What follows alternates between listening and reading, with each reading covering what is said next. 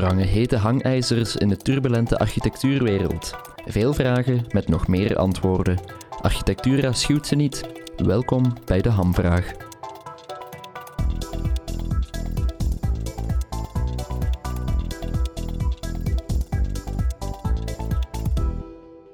Dit is een podcast van Architectura, mede mogelijk gemaakt dankzij Finstral, Van der Zande en All Colors of Communication.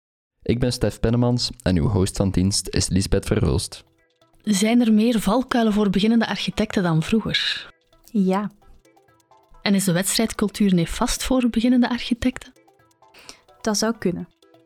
Vragen beginnende architecten een te lage prijs? Vaak wel.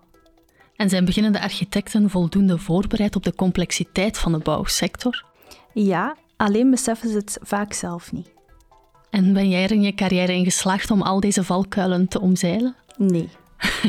Oké, een mooi begin. Welkom bij de podcast De Hamvraag. Vandaag zoeken wij een antwoord op de vraag: wat zijn de valkuilen voor beginnende architecten? Om deze te beantwoorden zijn bij ons vandaag te gast Naomi van Kampenhout, zelfstandig architect en actief bij NAV in de werkgroep Starters, Steven Schreurs van Marge Architecten en Bert Goedvink van Net Architectuur. Kunnen jullie zichzelf even kort voorstellen voor onze luisteraars? Naomi, ik zal bij jou beginnen. Um, ja, ik ben Naomi. Ik ben drie jaar geleden afgestudeerd aan de Universiteit van Hasselt. En na mijn stage, vorig jaar in oktober, ben ik um, eigenlijk meteen als zelfstandig architect begonnen. Ik heb ondertussen een aantal eigen projecten lopen en daarnaast ben ik ook nog actief in de doelgroep Starten en Starters bij NAV, waarbij we um, evenementen organiseren voor startende architecten, waarbij, waarbij we gaan binnenkijken bij andere architecten die heel open vertellen over hun ondernemerstraject en wat zij zijn tegengekomen bij het opstarten van een eigen zaak. Een ideale gesprekspartner dus in deze podcast. Steven? Uh, ik ben Steven Schreurs van Marge Architecten. Um, ik heb een uh, zes, zevental jaar geleden samen met Thomas Roelands um, Marge Architecten opgestart. Of zijn we fulltime doorgestart eigenlijk in een BFBA. Uh, en sindsdien zijn we um, traag aan aan het doorgroeien in een klein tot middelgroot architectenbureau. Steve, um, Bert, sorry. uh, ik ben Bert Goedvink. Ik heb in uh, 2011 samen met een uh, aantal klasgenoten begonnen met wat projecten samen te nemen. in 2014 zijn we overgeschakeld naar BVBA. en ondertussen zijn we ook actief met een aantal medewerkers en doen we ook kleine, middelgrote projecten. Met hoeveel medewerkers zijn jullie nu? Uh, ondertussen, uh, we waren met acht. Er is één iemand uh, op zichzelf begonnen. En binnenkort, na onze verhuis die gepland staat, volgende week, gaan we misschien opnieuw aanwerven. Oké. Okay.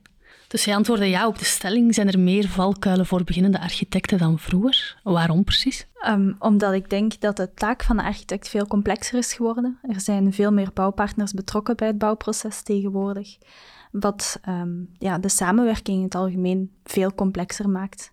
Wat dus ook ja, resulteert in meer valkuilen dan, om het zo te noemen, voor beginnende architecten. Veel meer om rekening dat, mee te houden. Uh, jullie ja, dat ook zeker. zo? Ja. Uh, inderdaad. Ja. uh, ja, het is inderdaad een, een, pak complexer geworden dan, ja. dan vroeger, denk ik. Ik merk het ook al sinds het begin van mijn carrière. Had vroeger dan uh, de, de stabiliteit en de EPB-verslaggever. Ondertussen, als je wil meedoen aan, aan een openbare aanbesteding, moet je daar een een bureau milieu, akoestiek, eh, technische installaties. Uh, je kunt het soms zo zot niet bedenken of, of hebben het nodig om uh, mee te mogen doen. Dus. Ja, ja. ja, het is eigenlijk die rol van zo regisseur een beetje, waar je, denk ik, nog niet zo heel hard op voorbereid wordt tijdens de opleiding. De coördinatie wordt ook complexer, denk ik. Ik denk ook dat er, dat er te weinig aannemers zijn uh, en dat het, dat, er, ja, dat het soms moeilijk is om de goede aannemer te vinden. Ah, Oké. Okay. Ja, laten we inderdaad eventjes teruggaan naar toen jullie pas zijn begonnen. Hè. Zoals heel veel pas afgestudeerden stoten ook architecten wel eens op uh, de praktijk versus de theorie. Was de bouwpraktijk wat jullie ervan verwacht hadden toen jullie net van de schoolbanken kwamen? Goh, um, bij mij persoonlijk week het toch een beetje af van de verwachtingen. Um, ik denk, wat voor mij de belangrijkste factor was, waar, waar ik niet op voorbereid was, was het menselijke. Um, het feit dat je eigenlijk ja, een beetje gaandeweg moet leren om, om zowel bouwheren als, als aannemers, als iedereen in het bouwproces een beetje te lezen en te leren inschatten. En het, dat er, het feit dat er heel vaak onverwachte antwoorden kunnen komen op zaken die je zelf als vanzelfsprekend beschouwt, waardoor dat ik denk een obstakel waar veel net afgestudeerde studenten op stoten als ze willen starten, is um, ontwerpen maken die eigenlijk heel flitsend of, of heel vooruitstrevend zijn, maar nog iets te weinig inspelen op wat dat eigenlijk gewoon de verwachting van de bouwheer is. Waardoor dat er vaak uh, resultaten bekomen worden die zodanig hard moeten aangepast en bijgekneed worden dat er een soort afkooksel overblijft. Terwijl, naarmate dat je meer ervaring hebt, kun je veel meer gewoon vanaf moment één iets op tafel leggen waar je zelf mee tevreden bent en de bouwheer ook. Waardoor dat een, ja, een, een leuk proces wordt in plaats van een soort van strijd om zoveel mogelijk te proberen bekomen. Ja, ik kan eigenlijk volledig beamen uh, wat dat Steven zegt. Ze zit wel uh, min of meer een beetje voorbereid op wat er gaat komen, maar inderdaad het menselijke aspect, uh, een meerprijs motiveren, een muurtje doen afbreken, het zijn geen evidente zaken. Dus als een muur slecht is, je leert wel in school waarom dat die muur slecht is, maar in de praktijk is dat toch nog een ander gegeven. Um, en ik volg ook 100% Steven als hij zegt van, uh, um, ja, dat je best al inspeelt uh, op de verwachting, maar er toch naar je hand zet. dat je eigenlijk uh, zelf tevreden kunt zijn van het resultaat achteraf. En natuurlijk heel belangrijk, je opdrachtgever kan resultaat, belangrijk zijn van, tevreden zijn van het resultaat. En moet ook natuurlijk bouwbaar zijn binnen het budget. Dat zijn allemaal zaken dat je eigenlijk uh, misschien wel een klein beetje een keer les over gehad hebt, maar dat je eigenlijk niet kunt leren in school. Ik denk trouwens ook, uh, om nog een keer terug te komen op de vraag, um, was de bouwpraktijk wat jullie ervan verwacht hadden toen jullie net van de schoolbanken kwamen? Ik denk dat we zelfs nu niet kunnen uh, um, weten wat dat er binnen vijf jaar, hoe dat ons beroep er binnen vijf jaar zal uitzien zelfs. Ja, omdat het zo'n snel veranderende ja. wereld is, ja. Kan ik mij voorstellen. Uh, is dat voor jou ook zo, Naomi? Ja, dus inderdaad, het menselijke is iets waar je op school heel weinig meekrijgt. Het samenwerken hebben ze bij ons in de opleiding wel op proberen focussen, door ons een opdracht te laten doen samen met ingenieurstudenten. Um, maar inderdaad, de, de dagdagelijkse beslommeringen, alles wat erbij komt kijken, verzekeringsattesten, achternajagen bij aannemers, om het zo maar even te zeggen, dat vertellen ze niet op school dat dat deel is van je job. En dat zijn heel veel kleine dingen die je pas leert kennen als je het effectief gaat doen. Ja, zijn architecten voldoende voorbereid op de complexiteit van de sector, inderdaad? Eigenlijk zou je zeggen nee, maar onrechtstreeks toch wel. Want op school leert je ook wel heel veel van die dingen, maar heel onbewust. Um, projecten die ineens van deadline veranderen. Um, begeleidersontwerp die zeggen, ja, um, dat is niet goed, je moet iets anders zoeken. Elke week opnieuw, week voor de jury nog eens je leert daardoor wel heel snel schakelen. En dat is wel een heel belangrijke skill die je achteraf kunt meenemen in de praktijk. Ja, dat is dus heel ja, onbewust als je dat wel aanleren. Ja, ja. Vinden jullie dat ook? um, ik denk als we net van school komen, of architect die net van school komt, dat hij niet uh, eh, 100% voorbereid is op de praktijk. Maar daarvoor ook, dat is ook de reden dat je eigenlijk niet vanaf dag nul uh, een eigen project zonder begeleiding van een stagemeester kunt, uh, kunt doen eigenlijk. En dat is zeker geen verwijt naar het onderwijs, want het is denk ik gewoon simpelweg onmogelijk om alles van de praktijk en school aan te leren. Wel, um, ik denk dat, dat um, tijdens de opleiding simuleren ze een klein beetje wel wat er zo dan later in praktijk gebeurt. Zo bepaalde randvoorwaarden die opgelegd worden bij ontwerpopdrachten, stedenbouwkundige voorschriften die bedacht worden en zo. Maar um, ja, de werkelijke situatie is dat er ook vaak gewoon onlogische en soms absurde zaken tussen zitten, die, die een begeleider u, u helemaal niet, niet kan aanleren of niet op kan voorbereiden. En dat moet je gewoon door, door doen leren. Um, kan je daar een voorbeeld van geven? Ja. als ik het nu over particuliere bouwheren heb dan bijvoorbeeld, dan, dan um, een begeleider gaat vooral zeggen wat dat er um, zowel technisch, esthetisch en, en zo nodig is om een bepaald ontwerp te bekomen. Maar je kunt perfect een, een volledig valabel uh, ontwerp op tafel leggen dat gewoon vanuit buikgevoel afgeschreven wordt. En dan moet je daar ook mee leren omgaan. En dat, dat zijn soort van situaties die je op school niet, het zou een beetje gemaakt zijn om dat soort dingen te simuleren, denk ik. Je, moet soms echt, denk ik, eh, strategieën uh, op voorhand bedenken van hoe ga ik naar dat gemeentebestuur gaan, hoe ga ik naar het Schepencollege gaan, hoe ga, hoe ga, ik naar de, de ambtenaar gaan, hoe ga ik dat proberen te verkopen. En dat is echt wel heel belangrijk, denk ik, inderdaad. Ja. ja. en eigenlijk, eh, voor mij persoonlijk, is dat zo, zo dat leren omgaan met randvoorwaarden en proberen dat, zoals je zelf zei, Bert, naar je hand zetten en ja, dat zo leren argumenteren aan de hand van voldoen aan bepaalde randvoorwaarden en zo verrassende dingen bekomen. Dat is wat plezier dat bij mij pas eigenlijk na de opleiding is gekomen tijdens de stage. En in die zin beschouw ik persoonlijk de stage wel als een, eh, ja, logischerwijze, een verderzetting van je opleiding. Het is zeker niet gedaan als je je diploma hebt binnengehaald. Nee, nee inderdaad. Ja, Elke architect begint zijn carrière met de, met de stageperiode.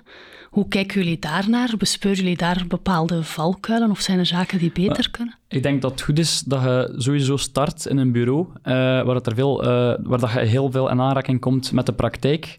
Uh, dus in die zin is het denk ik zeer belangrijk dat er zoiets bestaat als stage, dat je niet direct uh, uh, denkt van oké, goed, ik ben afgestudeerd, ga je nu een keer wat, wat, gebouwen beginnen ontwerpen en beginnen neerpoten. Ik denk dat dat zeer, meestal zeer slecht zal, zal aflopen.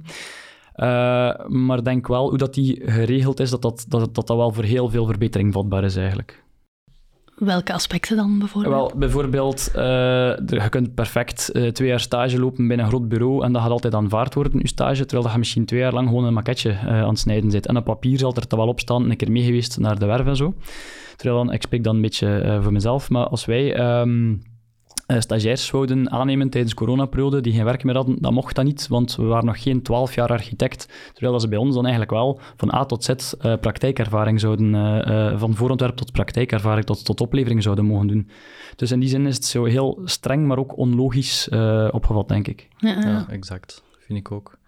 Um, als ik mag aanvullen? Ja, tuurlijk.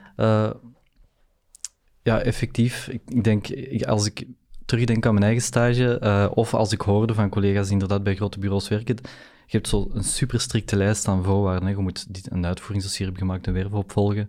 En je moet dan een klein beetje mondeling zeggen wat je hebt meegemaakt, maar die controle is in praktijk nul. Dus dat lijkt heel streng en in realiteit zit er bijna niks echt aan verbonden. Um, terwijl het is misschien interessanter om nog meer op echt het, zo het leerproces van de stage wat in te zetten over of dat je ook veel klantencontact hebt en hoe dat je met situaties omgaat en zo. En ik vond dat daar een set deliverables was waar dat geen enkel uh, verbindenis aan verbonden was. groene vinkjes eigenlijk. Ja, zoiets. Ja. Dus veel hangt af van het bureau waar je terecht komt als stagiair. Ja, groene vinkjes, maar denk ik iets te weinig... Um, ja, effectief nazegt van uh, uh, oké, twee jaar lang wedstrijden doen, ik bedoel, ja, dat, dat, mee, dat, is, dat is goed, dat is ook een ervaring, maar ik denk niet dat dat de bedoeling is dat, van een stage. Ja. En wij zitten, ik denk alle jonge bureaus zitten een beetje met dezelfde situatie. Uh, na twaalf jaar mag de stagemeester zijn, dus dat betekent als op startend bureau dat je oftewel niemand kunt aannemen, oftewel ervaren personen die heel duur zijn, oftewel jonge personen die de stage nog niet kunnen starten. En dat zijn drie niet ideale scenario's eigenlijk voor een jong bureau dat meestal nog iets minder rendabel is dan grote bureaus. Ja. is dat een ervaring die jij deelt, Naomi? Ehm, de stage is denk ik wel noodzakelijk. Zoals daarnet al aangehaald was, een hele goede aanvulling op uw opleiding, echt uw praktijkervaring leren. Maar inderdaad, ehm, langs de ene kant het verhaal wat jullie deden van de um, stage, ja, het stagemeesterschap, om het zo even te benoemen, dat dat inderdaad ja, misschien aan een achterhaalde lijst van eisen wordt afgetoetst. Maar langs de andere kant ook voor de stagiair zelf. Misschien moeten we dat statuut ook durven opengooien en eens herbekijken. Want heel veel stagiairs starten als zelfstandigen, het overgrote merendeel nog altijd.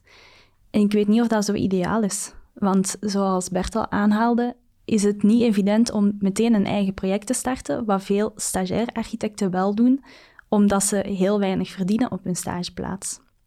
Dus dat zijn eigenlijk twee aspecten van de stage die we zouden kunnen opengooien. Waarom niet meer bureaus toelaten om stagiairs aan te nemen? Waarom niet in een bediende statuut? Of waarom niet kunnen overwegen om het, het uh, statuut van stagiair te, uh, aan te passen naar stagiair-student bijvoorbeeld, of meer zoals bij een doktersopleiding gedaan wordt? Um, ik denk dat dat iets is wat we, waar we het over moeten kunnen hebben. Dat is ook bij NAV al een paar keer opgepikt. En daar worden wij dan als doelgroep starters ook wel bij betrokken om onze mening ja. over te geven. Ja. Jullie daar nog iets op uh, aan te vullen? Dat laatste statuut lijkt me inderdaad wel interessant. Stagiair student, als er een soort van ondersteuning zou kunnen komen die, die effectief zorgt dat die kost vooral bij bedienden dan een beetje meegedragen wordt in het begin, lijkt me dat realistisch. Want zeker, ja, daar wil ik later nog op terugkomen, maar het feit dat dat bediendenstatuut voor veel bureaus heel moeilijk is om te realiseren, omdat die loonkost zo hoog is, heeft natuurlijk te maken met het feit dat, wij, dat de meeste architecten elkaar wat plat concurreren en daardoor gewoon niet zoveel kunnen verdienen. ja, dat is zeker iets wat terugkomt, hè? die, die ereloonvergoedingen. En ik denk dat daar de stage ook wel een deel aan de basis voor ligt, want de orde heeft dan minimumbarema's van zoveel kunt u verdienen als stagiair architect.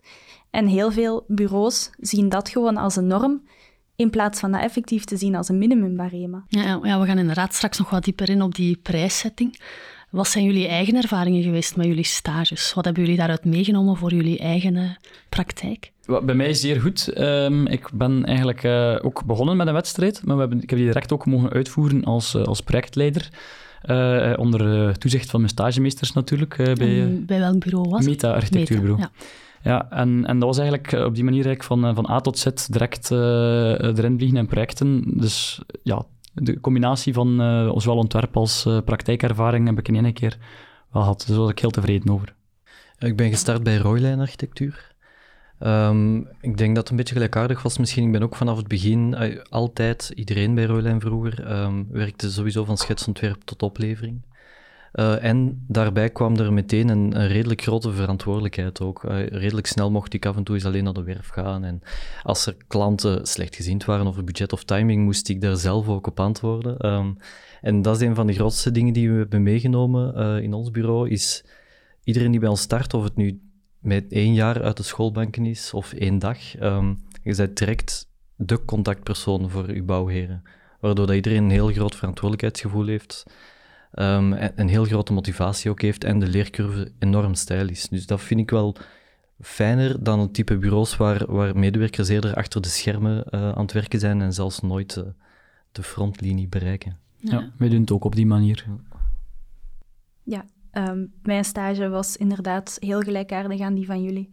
Um, ik heb ook alles mogen doen. Ik heb heel veel verantwoordelijkheden gekregen. Ik heb ook bewust gekozen voor een klein bureau waar ze al een tijdje op zoek waren naar iemand. Juist om die, effectief die noodzaak en die taak als architect te kunnen vervullen en daar heel veel uit te leren. Ja, oké. Ja, jullie halen het zelf ook al aan. Het ondernemerschap is ook wel uh, verbonden met het beroep van architect. Hoe belangrijk is dat om kaas te hebben gegeten van uh, management skills? Ja, zeer belangrijk, denk ik. Je moet, uh, zoals elk bedrijf, ja, uh, moet uh, jezelf of je product zeg maar, verkopen. Hè. Dat is een beetje denigrerend misschien tegenover een architectuurontwerp, maar het komt er wel op neer. Als je geen nieuwe projecten binnenhaalt, dan is het gedaan. Um, het is dus zeer belangrijk om goede management skills te hebben. Maar misschien al een beetje vooruitlopend op de volgende vraag. In de, in de opleiding is dat bijna, of toch, ja, denk zelfs helemaal niet, Steven, bij ons aan bod gekomen. we hadden een beroepspraktijk en deontologie, daar kon er misschien wel ruimte voor geweest zijn, maar is het niet echt aan bod gekomen. Oké, okay, dus dat is wel een gemis. Ja, heel hard eigenlijk, hè, want um, eigenlijk is het, het ondernemerschap is wel verbonden aan ons beroep, alhoewel het dan niet zo lijkt. Um, ik vind, bij mij was dat toch zo, of ik, het was een klein beetje een verrassing om zelfstandig te moeten worden. Dat was misschien wat naïef, maar dat is toch bij veel mensen. Um, ik, dacht zo van, oké, een architect is een dienstverlener, dat is zoals een journalist of, of een programmeur en zo. Maar vanaf dat je afstudeert, um, ja, worden ten eerste zelfstandig. En ten tweede zijn wij ook een enorm creatief beroep, waar dat iedereen ook graag auteur van zijn eigen projecten wil zijn en dat aan de buitenwereld naar buiten dragen. Waardoor heel veel mensen zelf opdrachten beginnen aannemen in eigen naam. En vanaf dan zijn ze echt een zaak en echt een bedrijf gestart. Dus dat is echt heel hard verbonden aan onze architectuur, cultuur in Vlaanderen en België, denk ik. hebben jullie dan meer meegekregen uh, aan de U Hasselt? Um, niet zo heel veel meer. We hadden een vak um, management, maar dat was eerder bekeken vanuit de bril van de projectontwikkelaar. Dan hebben we zo'n simulatie gedaan, een keer leren onderhandelen, maar eigenlijk heel beperkt. En nog een heel belovende titel van een vak, kantoormanagement. Daar hebben we wel um, eens geleerd hoe het er in de praktijk aan toe gaat. We hebben een keer door het omgevingsloket doorgegaan, doorgefietst, gekeken wat moet je nu exact allemaal waar invullen. Um, en het interessantste wat we daar meegekregen hebben, was echt een getuigenis van iemand die een jaar of vier, vijf bezig was. En die echt kwam waarschuwen van, let op met die verlaagde bijdrage voor sociale zekerheid, want achteraf komen ze daar terug voor kloppen en zo heel praktische dingen verteld heeft over hoe dat bij hem die eerste paar jaren verlopen zijn. Dus dat was wel heel interessant. Maar voor de rest echt ondernemerskills over hoe maak ik een businessplan of zo, daar hebben we nooit iets over gehoord. Ja, dus dat is iets wat je allemaal in de praktijk moet leren. Ja, ik denk dat er misschien te veel van uitgegaan wordt van ja, dat ze wel uh, slimme koppen zijn of zoiets, denk ik. Dus die zullen dat wel kunnen. Maar ja, dat, allee, dat is, ja, dat is even, even een lesje in de echte wereld hè, dat je krijgt in het begin. Ja, wat hebben jullie zelf al geleerd daarover? Al heel veel. Ja, uh, ja dat, dat je je kantoor en je bedrijf moet, uh, moet runnen, zeg maar. Um, maar uh, ja, je voelt ook, ik, ik voel dat toch, dat er altijd nog heel veel bij te leren valt. Ik denk, um, stap 1 is eigenlijk zo de klik maken dat je een echt bedrijf hebt. dat feit dat je beroep uitvoert, dat dat, dat ja, een, een financieel gezonde onderneming moet zijn en, en niet zomaar mooie projecten willen maken en dan als schrapend tegen de bodem proberen overleven. Um, en ja, enerzijds is dat dus beseffen dat je een bedrijf managt. Uh, dat betekent dus voor ons um, proberen een beetje ja, voor te lopen op de feiten. Permanent je, bedrijf optimaliseren, obstakels proberen voor zijn. En nooit besluiten van oké, het is nu goed geweest, uh, het zal wel in orde zijn, maar altijd je groei anticiperen een klein beetje. En anderzijds vind ik uh, ja, mensen managen, zeker als je wilt doorgroeien met medewerkers, um, is voor mij een van de belangrijkste beseffen geweest dat uh, anderen sowieso kwaliteiten hebben die, die veel beter zijn dan sommige skills die je zelf hebt. Dus op tijd leren zo delegeren, uh, taken doorgeven en vertrouwen hebben, ongeacht ervaringsniveau in, in de kunde, is voor, ons, ja, voor mij ook heel belangrijk geweest. Ja, ik wil nog even terugkomen op wat Steven zei van anticiperen. Dat vind ik ook heel belangrijk, want ook al zijn we maar een klein bedrijf, toch merk je, het is een beetje een, een, een oceaanschip. En uh, een keer dat te laat is, krijg je het niet meer bijgestuurd. Dus je moet op, op tijd je koers uh, bepalen eigenlijk, denk ik. Ja. ja, voor jou is dat misschien iets anders, omdat je nog als zelfstandige alleen werkt ja, ik werk nog alleen, maar ik heb voor mezelf altijd wel heel bewust geweest van het feit dat zelfstandige zijn niet hetzelfde is als ondernemer zijn. Ik heb ook tijdens mijn stage al het ondernemersatelier gevolgd bij NAV. Echt gericht op startende architecten, dat je nu al begonnen bent of nog niet. Um, om te leren uit andermans fouten en op een goede basis te kunnen beginnen met het uitbouwen van een bedrijf. Momenteel werk ik nog alleen, maar het is zeker niet de bedoeling om alleen te blijven werken. En ik denk dat dat ja, een, een microbe is die ik misschien van thuis uit mee heb, dat ondernemen. Maar um, ik vind dat heel interessant om heel veel over te leren en over te lezen en mee bezig te zijn. Dus ik hoop dat ik heel veel fouten kan vermijden in de toekomst. Ja, ja, ja. ja een onderneming moet financieel gezond zijn. Hè. Prijszetting lijkt mij daarbij ja, cruciaal. Hè. Hoe bepaal je die als beginnende architect? Wat is te hoog en wat is te laag? Ja, wij werken meestal aan een forfaitair eerloon. Het gebeurt ook voor kleinere projectjes dat we toch per uur doen. Maar als we forfaitair uh, eerloon voorop stellen, dan, dan kijken we hoeveel uren gaan daarin kruipen en, uh, en houden ook de uren bij dat we er hebben ingestoken, zodanig dat we achteraf uh, kunnen zeggen van oké, dat soort project, dat, dat, dat zit goed, dat soort project, dat is echt, daar hebben we echt ons broek aan gescheurd. Natuurlijk moet je dat ook een beetje gemiddeld bekijken. Hè. We kunnen altijd een keer verbouwing hebben waar alles misloopt. En dan heb je een keer dezelfde verbouwing, kan alles ook uh, de hele tijd juist gaan. Dus we moeten dat een beetje gemiddeld bekijken wel. Uh, maar zo proberen wij dat, uh, dat wat bij te sturen. Ja. ja. wij doen dat ondertussen ook door nakalculatie van vorige projecten, inderdaad.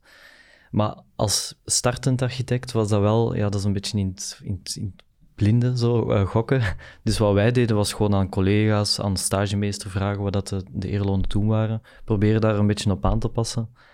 Um, maar ik denk, um, dat is gewoon het, het, het gevolg van hoe dat werkt bij ons. Zo de, de markt waarbij dat iedereen uh, zijn eigen eerloon mag voorstellen, is dat je kunt de fout maken in twee richtingen. Oftewel veel te laag willen gaan en dan uh, sterk ontmoedigd worden door wat beroep maar opbrengt en zo. Um, of je kunt in het begin eigenlijk het loon vragen dat je zou moeten verdienen volgens je diploma, um, maar eigenlijk het niet kunnen verkopen aan bouwheren. En um, ik, ik, wil zeggen, je moet jezelf vooral kunnen verkopen als je een loon wilt vragen dat iets hoger is dan je concurrenten, um, wat dat de bedoeling is. Ik wil iedereen aanmoedigen om zoveel mogelijk te vragen. Maar vooral, je mag niet de val trappen van principieel heel veel willen vragen um, en dan op papier heel veel verdienen, maar in praktijk niks, omdat de opdracht nooit aan je gegund wordt. Dus dat is een soort heel moeilijk evenwicht wel dat je moet zoeken. Ja, Maar ik denk ook dat dat in het begin uh, ook heel verleidelijk kan zijn om te weinig te vragen, want je wilt dat eigen projectje. Uh, je kunt eigenlijk al starten met, allee, bij zo'n spreken, een computer en een AutoCAD-licentie. En dan kun je eigenlijk al starten. Um, het is natuurlijk ook tof om dan al uh, direct een eerste projectje te hebben, maar dan heb je weer een referentie uh, en dan kun je tonen van kijk, dat heb ik gebouwd en dat zal wel heel mooi zijn. Maar dat is heel gevaarlijk ook, denk ik, want met een referentie kun je niet naar een bakker gaan, uh, zeg ik altijd. Kun je niet achter een brood gaan daarmee. Ja, dat is waar. Ja, dat is ook iets wat ik um, zelf mee ges gestruggeld heb. Um, ja, eerste project tijdens de stage, je hebt inderdaad nog niet veel kosten. Hoe bepaalt je dat ereloon? En dan heb ik het achteraf bekeken, denk ik, fout gedaan. Door te gaan uh, kijken van hoeveel uren zou ik hier aan gaan werken. Op basis van mijn tijdsregistraties van op mijn stageplaats. En daar dan een uurloon aan te koppelen. Dat uiteraard hoger is dan wat ik op mijn stage verdiende. Maar daar, dus normaal gezien, ondertussen werk ik ook met forfaitaire prijzen. Maar toen heb ik tegen die mensen gezegd: kijk, forfaitaire prijs afgesproken maar als ik uiteindelijk minder uren heb gedaan dan ik voorzien heb in mijn offerte, dan zal ik dat op het einde herverrekenen.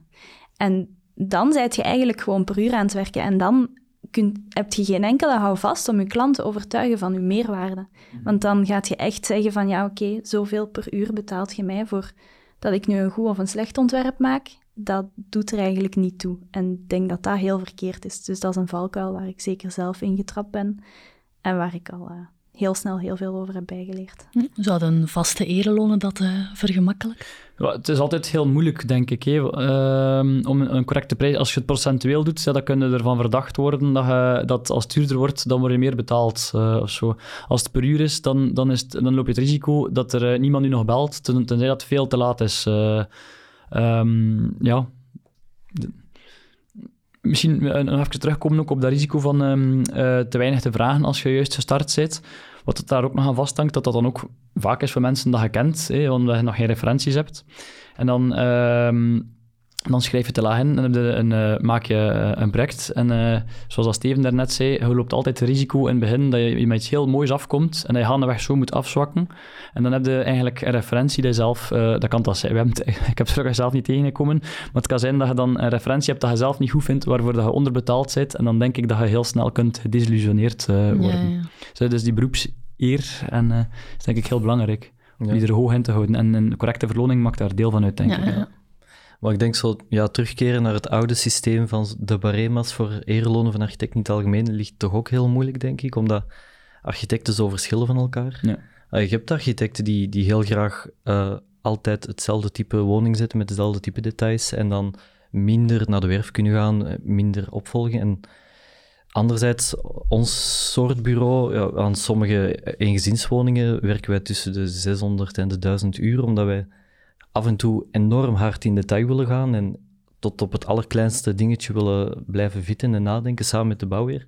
Maar ja, dat is natuurlijk, dat moet anders vergoed worden, want als je dan een soort gemiddelde probeert te bereiken, gaan sommige mensen misschien veel verdienen en anderen, zoals al een paar keer gezegd, veel te weinig voor de moeite die ze erin steken. ik denk dat het heel moeilijk is om te werken met barema's, aangezien dat, ja, je moet appelen met appelen vergelijken. En Elke architect heeft zijn eigen sterkte, focust misschien meer op een bepaald aspect in het bouwproces.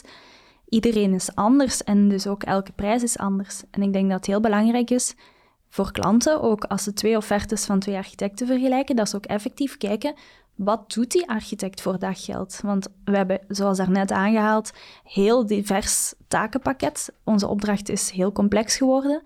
En de ene architect doet gewoon meer dan de andere op dat gebied. Dus dat is heel moeilijk om daar een algemene prijs op te plakken. Ja, ja, wat ook met die prijszetting te maken heeft, is de wedstrijdcultuur. Wel, ja, dat we ook nog toevoegen ook aan het eerloon. Je, je, je, kan het niet altijd zelf kiezen, je eerloon. Dus bij, bij uh, overheidsopdrachten is het gewoon wat er op papier staat en dat is het. En heel vaak staat dat veel te laag, dan laten we die links liggen. Um, maar soms maakt het eerloon dan ook deel uit van het hunningscriterium. En dan merken we dan probeer je natuurlijk scherp in te schrijven. Dan denk je, nu zijn we toch al heel scherp. Hè? En dan zie je soms offertes binnenkomen die nog niet de helft zijn van, van wat jij al dacht dat, dat, scherp was eigenlijk. Dus dat is soms hallucinant. Ja, want heel wat beginnende architecten, terwijl ze bij een ander bureau werken, doen mee aan wedstrijden. Um, ja, om hun eigen bureau uit de grond te kunnen stampen. Zo, kan dat een valkuil zijn? Wel, als, als, denk als je begint met een um, met praktijk, je doet in je, na je uren mee aan een wedstrijd en je hebt, uh, hebt daar tijd voor en je doet dat graag, dan denk ik dat dat wel een, goede manier kan zijn om te starten. En zo zijn wij eigenlijk ook uh, gestart. maar als je wat, wat, meer in de praktijk zit, hebt gewerkt met medewerkers, hebt ook een gezin, hebt kindjes en zo, dan kun je niet meer echt na kantooruren veel werken. En dan, dan is dat niet zomaar een beetje vrije tijd dat je dat kost, maar dan kost je dat effectief soms heel veel geld. En die, die wedstrijden worden altijd ondermaats, dus totaal ondermaats uh, vergoed. Er zijn uitzonderingen, maar de meeste zijn totaal ondermaats vergoed. Statistisch gezien kun je maar één op vijf, uh, allez, als er vijf deelnemers toegelaten worden, wat ik persoonlijk al te veel vind, dan kun je er maar één op vijf uh, winnen, statistisch gezien. Kan ook minder zijn dan de pech. En dat, kost, dat zijn echt financiële aderlatingen. Hè. Je kunt natuurlijk, zeker bij wedstrijden, eigenlijk al inschrijven met een te lage prijs. Zelfs waar dat je op voorhand van weet, ik ga mijn broek eraan scheuren, maar ik heb dan tenminste een mooie referentie vast. Uh, maar dat is, de, dat is, het probleem is, naarmate dat je bureau groeit, heb je altijd de neiging om nieuwe referenties binnen te halen. Is dat een fout die je eigenlijk eeuwig kunt blijven maken, ook al zijn dat twintig jaar bezig. Dus dat, dat moet gewoon supersterk ontmoedigd worden en eigenlijk zou veel minder op prijs beoordeeld mogen worden dan, dan dat dat heel vaak eigenlijk is in openbare aanbestedingen tegenwoordig, vind ik. Ja. Um, en gelukkig hoor ik anderzijds wel van veel collega's dat, dat er steeds minder wordt ingeschreven op wedstrijden waar de vergoeding laag of ondermaats is. Dus moest op zijn minst deelnemen aan een wedstrijd ongeveer um, zelfbedruipend zijn, zou het al een goed begin zijn, denk ik. Ja, ja zo'n zo opdrachtgever krijgt soms vijf volledig uitwerkt ontwerpen. Ook, ook al zeggen ze in de wedstrijd dat het moet niet volledig uitwerkt zijn, het mag schematisch zijn, dan merk je toch, degene die het meest ver heeft uitwerkt, die, die wint het meestal wel. Ja. Dus, dus die krijgt eigenlijk vijf volledig uitgewerkte voorontwerpen die eigenlijk uh, moesten, moesten een opdrachtgever niets meer wel wijzigen, dat eigenlijk klaar zijn om een bouwaanvraag op in te dienen. En dat wordt dan, ja, ik zal het maar zeggen, iets van 1000 euro of 1500 euro voor, uh, voor vergoed, wat dat eigenlijk schandalig is. Dus inderdaad, uh, ik denk dat ze moeten gewoon in plaats van vijf kandidaten per wedstrijd, misschien drie kandidaten per wedstrijd doorselecteren. Dat is al een, iets beter, statistisch gezien iets meer kans, en dan kan je ook die vergoeding iets kunnen omhoog doen. Stijk moet er vergoed worden voor uw werkpunt, anders moet je geen wedstrijd uh, organiseren. Dus wedstrijden kunnen uh, een valkuil zijn, hoor ik, uh, Naomi. Ja, ik denk dat wel. En zeker in dat verhaal verder gaan, dat inderdaad een onderneming die kan budget vrijhouden van de winst. Zeggen, oké, zoveel kunnen we investeren in wedstrijden, want je kunt ze inderdaad niet allemaal winnen. Ik denk dat het een enorme valkuil is om een aantal wedstrijden gewonnen te hebben, denken van oei, ik heb hier personeel voor nodig, want ik krijg het niet meer gedaan. Maar je krijgt heel weinig betaald voor die wedstrijden en dan heel goedkoop personeel gaan zoeken. En zo raak je in die cirkel. En ik denk dat dat een hele moeilijke is om eruit te geraken eens je erin zit. Ja, ja. Ik denk dat dat belangrijk is dat starters zich daarvan bewust zijn dat het een risico kan inhouden. En inderdaad inschrijven op wedstrijden waar wel voldoende ereloon in voorzien is. Ik denk dat dat een heel belangrijke is. Ja, ja. En ik denk, ik denk dus wel dat het een kans kan zijn voor jonge startende architecten, hè, om, om een keer eentje te winnen en zo. Maar ik heb ook de indruk, uh, dat is misschien mijn persoonlijke indruk, maar kan er mij niet van ontdoen dat het ook uh, moeilijker en moeilijker is geworden om aan de, de, correcte referenties en zo te geraken. En zoals we het daarnet al, uh, al hadden, dus de, de wedstrijden dat, dat wij in het begin gewonnen hadden, was gewoon ja, schrijf in als architect, punt.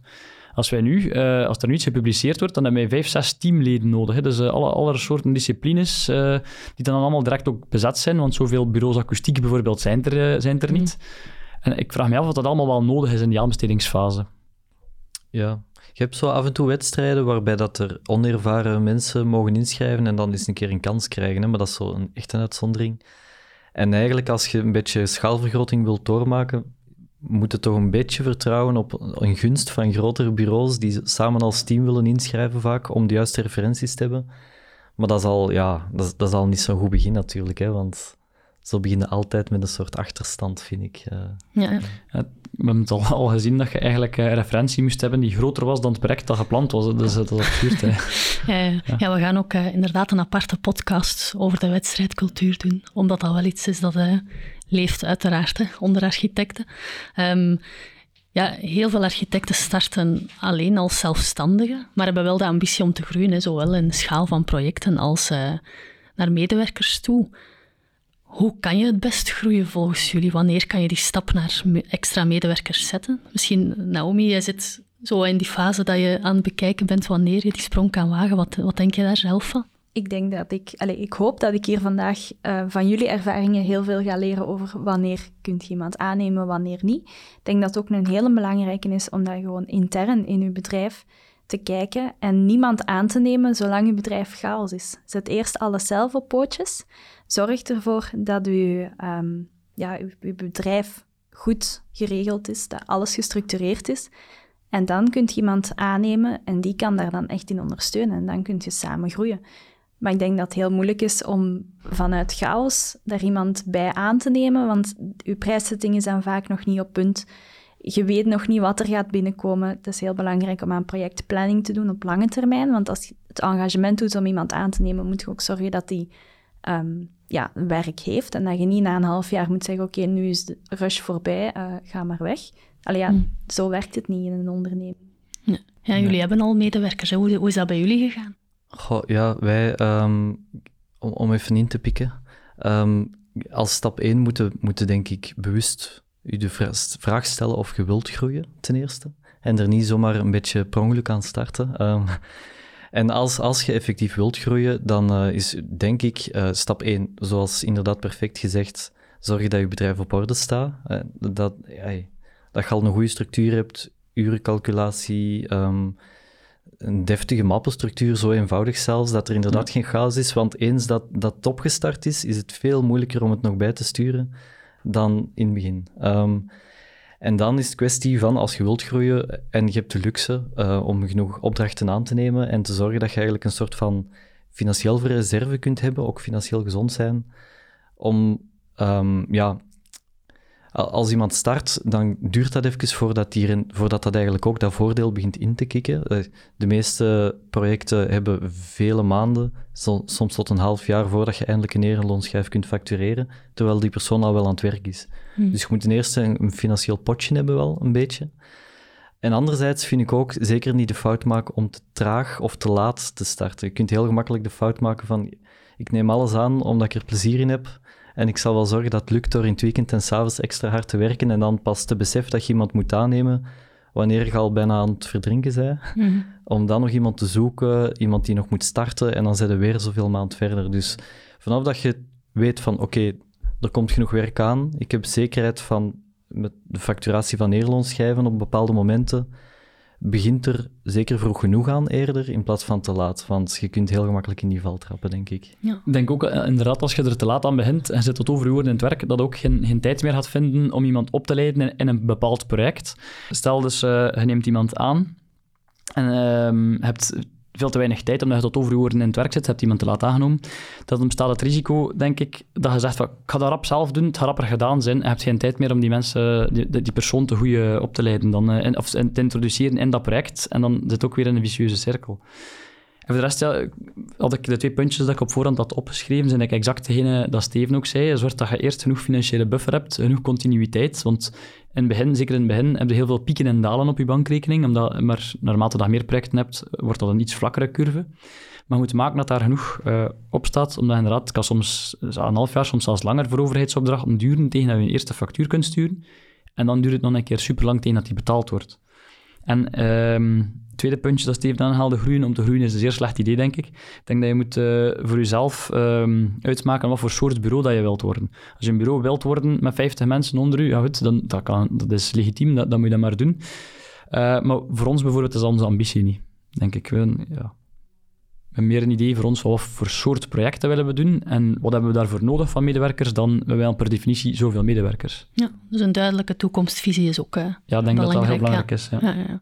Goede tips, Naomi? Ja, sowieso. En ehm, heel veel dingen inderdaad die ik intuïtief dan al wel aanvoelde van dat moet eerst op orde zijn voordat, voordat je effectief die stap neemt om iemand aan te nemen.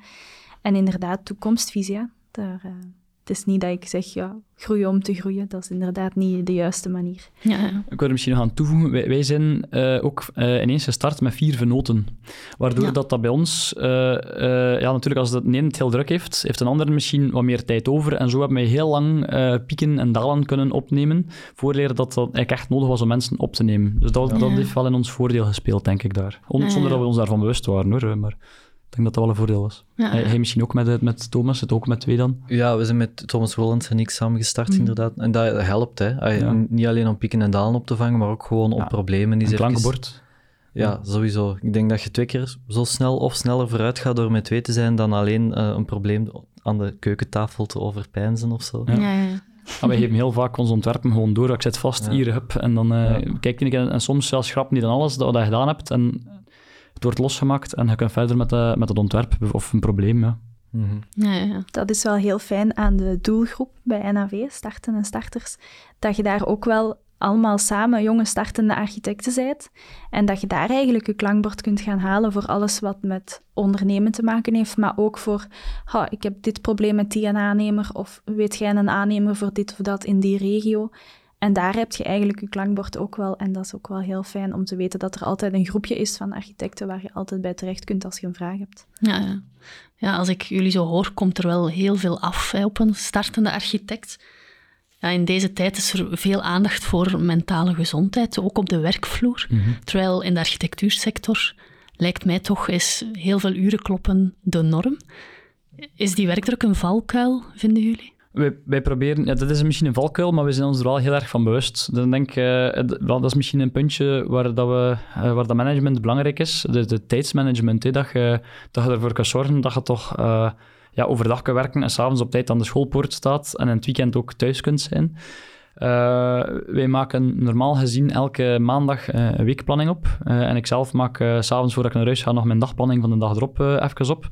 En zo lukt het wel om vrij gestructureerd de prioriteiten correct aan, aan te pakken. Ja, ik ging al iets gelijkaardigs zeggen eigenlijk. Het is, ik denk, het is deels de verantwoordelijkheid van het bureau op zich als mijn medewerkers is om te zorgen dat mensen zich niet overwerken en daarvoor moeten goed gestructureerd zijn.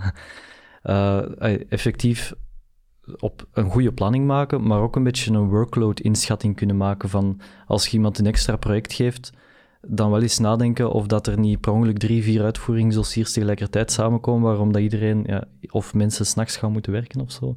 Dus je moet dat heel goed managen als bedrijf enerzijds en anderzijds ja, proberen wij actief te ontmoedigen om te overwerken zelfs, omdat ik denk dat sommige bureaus de redenering maken van oké, ik ga twee mensen gewoon super hard, uh, meer dan 200 uur per maand laten werken. Dat zal wel rendabeler zijn dan drie, vier mensen normaal. Maar dat is denk ik kortzichtig, omdat je brandt mensen op. Er, er is volgens mij een hoger verloop, waardoor dat je de hele tijd nieuwe mensen moet opleiden. Waardoor dat de rendabiliteit op het einde van de rit, denk ik, niet per se zoveel positiever is. Ja, zien jullie daarin een kentering bij de jongere generatie? Wel, ik heb niet zo gezegd op de oudere generatie, maar ik denk, denk dat toch wel. Ja. Ik, kan denk ik vooral spreken over ons eigen bureau, maar wij, wij denk ik slagen er al vrij goed in om uh, avondwerk en nachtwerk te vermijden eigenlijk, door de, door de band. Het gebeurt wel een keer, hè, voor de, een wedstrijd die dan ook weer typisch uitgeschreven wordt uh, net na eh, de verlofperiode, hè, of in de coronaperiode uh, een wedstrijd. Dat zijn denk ik de laatste twee keer dat wij echt hebben goed moeten doorwerken. maar voor de rest denk ik, ja, bij ons gebeurt het niet meer zo vaak. Bij ons ook niet. Sowieso, in, het is eigen aan het beroep om af en toe wel eens een deadline te hebben. Dat kan bijna niet anders. Um, en het is, het is een goede houding als, als, als jezelf en medewerkers ervoor openstaan om af en toe eens een keer stevig te deadlinen, samen dan. Uh, maar zo weinig mogelijk. En wij merken zeker hoe jonger, hoe meer um, principieel eigenlijk niet te laat willen werken of het zelf niet spontaan aanbieden. Uh, terwijl ik denk, net als jij, Bert en ik nog samen starten, was het in onze generatie nog wel meer zo van af en toe eens een keer stoeven hoeveel dat je hebt gewerkt. um, of, allee, of gewoon stilzwijgend dat doen zonder dat zelfs gevraagd wordt. Um, en dat is er aan het uitgaan en dat vind ik vooral supergoed, want ja. mentale gezondheid in, in heel de werksector in België, niet alleen in ons eigen vak, is denk ik wel aan wat vernieuwing toe misschien. Ja. Ja, en lukt dat bij jou ook als zelfstandig architect dan om niet in die valkuil te trappen? Ik probeer dat zo goed mogelijk te doen. Um, dat is inderdaad ook belangrijk om je eigen grenzen daarin te bewaken. Um, de grenzen liggen voor iedereen ook wel anders natuurlijk. Mm. Het enige wat ik daar nog wou aan toevoegen en wat op dat gebied wel een valkuil is, um, heeft ook weer te maken met die uh, minimumbarema's tijdens de stage. Mensen die... Ik had het geluk om tijdens mijn stage gewoon nog bij mijn ouders te wonen. Maar heel veel mensen die wel al alleen gaan wonen, ja, die moeten ook van dat stageloon zien rond te komen. En die gaan, zeker in die beginperiode van de stage, bijna niet anders kunnen dan overwerken. Ik denk dat er veel zijn die het niet willen, maar die het zien als een noodzakelijk kwaad om rond te komen.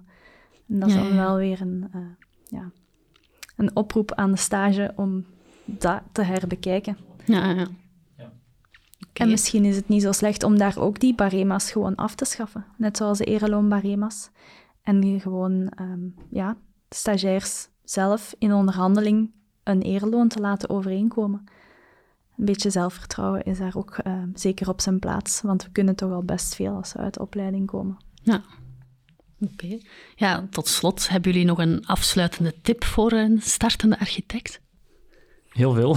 Ja. vooral, vooral over wat je uh, niet moet doen en over hoe je sommige zaken niet moet aanpakken. Uh, maar um, ik heb er één uitgepikt. Uh, dat is eigenlijk uh, proberen een project zo gestructureerd en zo netjes mogelijk uh, aan te pakken. Dus Steven zei het al, een goede mappenstructuur, maar ook een draaiboek van oké, het eerste plaatsbezoek, wat, wat, moeten we doen voordat we kunnen beginnen met dat project? De, een deftige opmeting, een deftige omschrijving van het programma.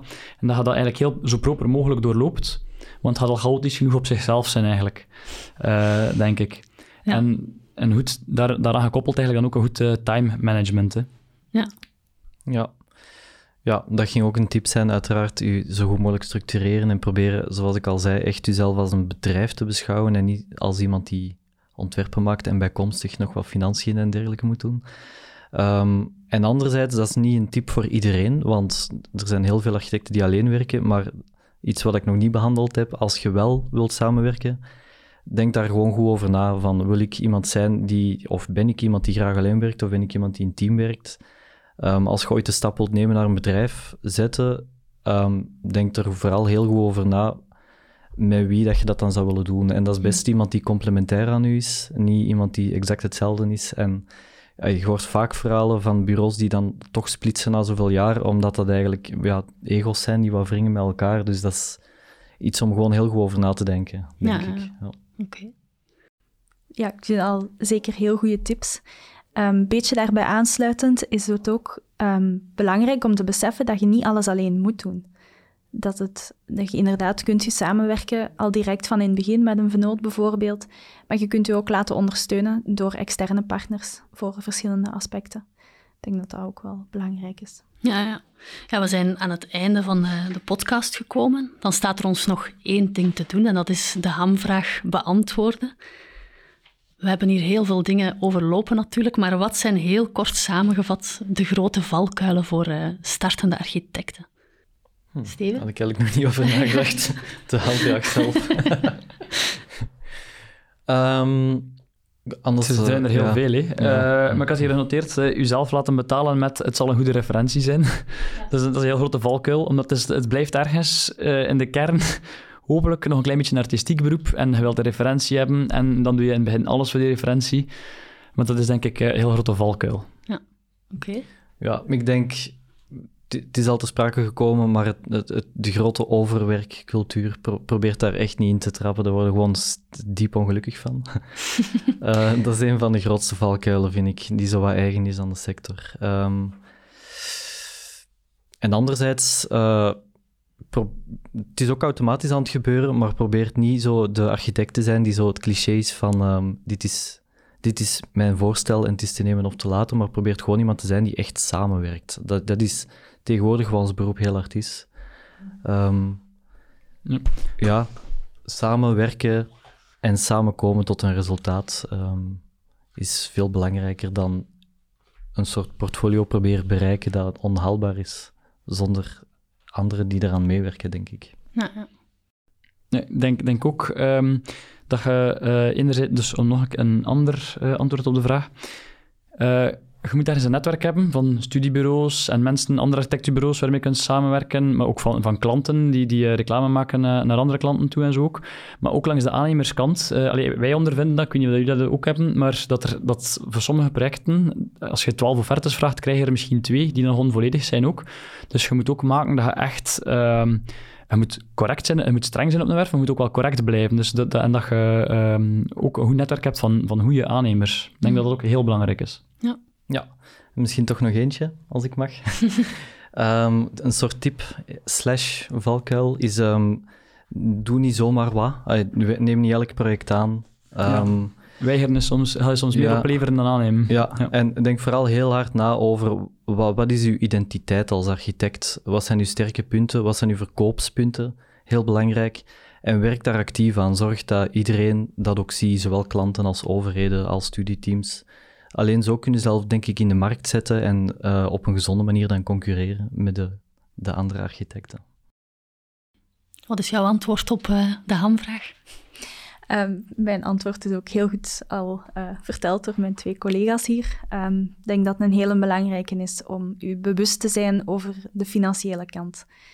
Bij het bepalen van erelonen, bij het um, uitzetten van uw planning, dat dan een heel belangrijke is om op te focussen en dat je daar ook goed in kunt laten ondersteunen. Want dat uh, ja, anders wel een grote valkuil zou kunnen zijn.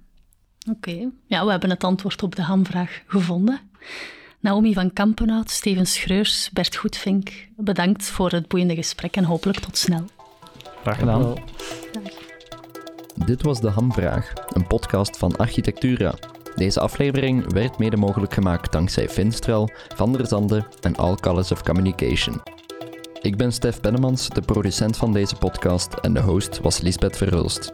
Ben je geïnteresseerd in meer podcasts? Beluister dan zeker ook de rest van onze reeks De Hamvraag op architectura.be.